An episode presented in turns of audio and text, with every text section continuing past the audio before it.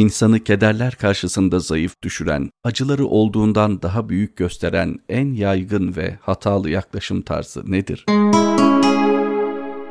Allah'ın yarattığı her mahluk güzeldir de şöyle bir hikaye anlatılır. Çirkin bir kadını, çirkin görünümlü diyelim bir kadını kör bir erkekle evlendirmişler. İlk başlarda bu problem olmamış. Çünkü birisinin görsel bir problemi var, birisinin gözüyle alakalı bir problemi var. E, fakat bu evlilik ilerlerken bir gelişme olmuş. Erkeğin gözünün açılmasıyla alakalı bir teknolojik ilerleme kaydedilmiş, bir buluş bulunmuş. Tabii aileye danışılmış. Eğer isterseniz biz bu ameliyatı yapabiliriz, erkeğin gözünü açabiliriz. Kadından bir fikir alınmış. Çünkü ilişkilerindeki bir probleme sebebiyet vermemesi açısından. Ve kadın ilk başlarda biraz tereddüt etmiş. Yani benim görsel problemimle karşılaşınca bu evlilik bozulur diye korkarak. Ama biraz daha dikkatli düşününce ben kocamı seviyorum. ve Önemli olan onun gözünün açılması. istiyorsa bu evlilik de biter gibi bir düşünceyle bu kararı kabul etmiş. Adamın gözleriyle ilgili ameliyat yapılmış. Ameliyattan hemen sonraki gün gözlerinin tam açılacağı anda eşiyle birlikte odada yalnız, yanlarında hiç kimse yokken tabii eşi biraz daha kaygılı. İlk defa kendisini görecek olan kocasının tepkisini merak eder bir şekilde. Adamın gözleri açılır açılmaz söylediği ilk cümle, ilk yorum ne kadar güzelmişsin şeklinde bir ifade olmuş. Erkeğin yaptığı bu yorumu neye yormalı? Gözleri açılır açılmaz karşısında eşini görüyor. Eşinden başka herhangi bir kadın veya herhangi bir insan görmemiş olduğu için bir mukayese, bir kıyas yapma imkanı olmadığından dolayı bu güzelliği, kendi çerçevesinde var olan güzelliği başka insanlar idrak edemezken kendisi idrak idrak edebiliyor. Buradan şunu çıkarabiliriz ki insanın yaşadığı acıları, kederleri aslında arttıran, onların dozajını yükselten, ateşini yükselten, ıstırapları hararetlendiren bir şey varsa kıyas kavramı. Yaşadığımız acıların bizi var olduğundan daha olumsuz etkilemesinin sebebi kıyaslardır. Ve bu kıyasları da ikiye ayırabiliriz. Birisi kendimizle, kendi geçmişimizle yaptığımız kıyaslar. Birisi de çevremizle, çevremizdeki insanlarla yaptığımız kıyaslardır. Birincisini öncelikle ele alacak olursak, kendi geçmişimizde yaşadığımız mutluluklar, şu anda yaşadığımız kederle kıyaslandığı zaman biraz daha gözümüze batar. Daha önce huzurlu bir yuvamız vardır. Bugün yuvamızın huzurunun bozulması kendi geçmişimizle yaptığımız bir kıyastan dolayı bizi biraz daha incitir. Bir dönemler başarıyı elde etmiş olmamız şu andaki başarısızlık konusunda bizim daha fazla yıpranmamızı sebebiyet veren bir hatırlatma durumuna gelirler.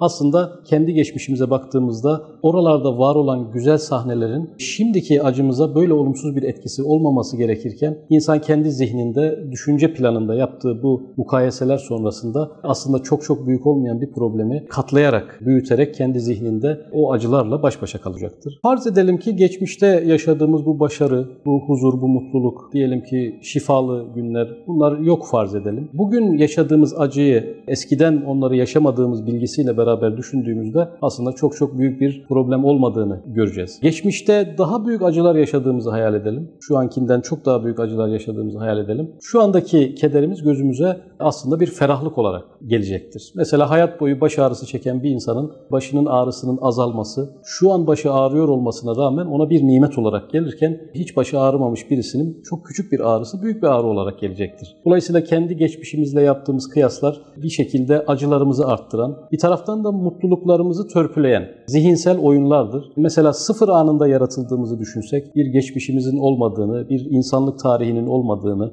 doğrudan hayatın içerisinde doğduğumuzu düşünsek, yaşayacağımız olayların aslında acı verenlerinin bile mutluluk kaynağı olduğunu görebilecek bir göze sahip olacaktık. Ama geçmişimizle alakalı yaptığımız bu kayeselerin neticesinde bazı mutlulukları acılara çevirdik. Küçük acıları da büyük acılara dönüştürerek aslında biraz da kendimize eziyet etmiş oluyoruz. Mesela doğuştan gözleri görmeyen bir insanla sonradan gözlerini kaybetmiş bir ressamı kıyaslayalım. Şu anda hali hazırda her ikisi de görmüyor olmasına rağmen, ikisi de aynı problemi yaşıyor olmasına rağmen tabii ki önceden gören ressamın görmemekten çektiği acı daha büyük olacaktır. Çünkü o var olan bir şey yitirdiğinin düşüncesi içerisindedir. Fakat doğuştan beri gözleri görmeyen birisi neyi kaybettiğinin bilgisine sahip olmadığı için bu mukayeseyi yapmayacaktır. Dolayısıyla eşit iki aynı acıya sahip olan bu iki insandan birisinin çok daha büyük acı çektiğini göreceğiz. Aslında bu iki kişi bizim karakterimizin iki açısı. Biz de geçmişteki acılarımızı ve mutluluklarımızı bugünle kıyaslamıyor olsaydık bu acıları bu nispette yaşamayacaktık. Bir gazete haberinde rast gelmiştim. Gözleri görmeyen fakat çok zengin restoranlar zincirine sahip Amerika'da yaşayan bir Türk iş adamına bir Türk gazetecisi bir soru sormuştu. Bu kadar zenginsiniz, bu kadar mülkleriniz var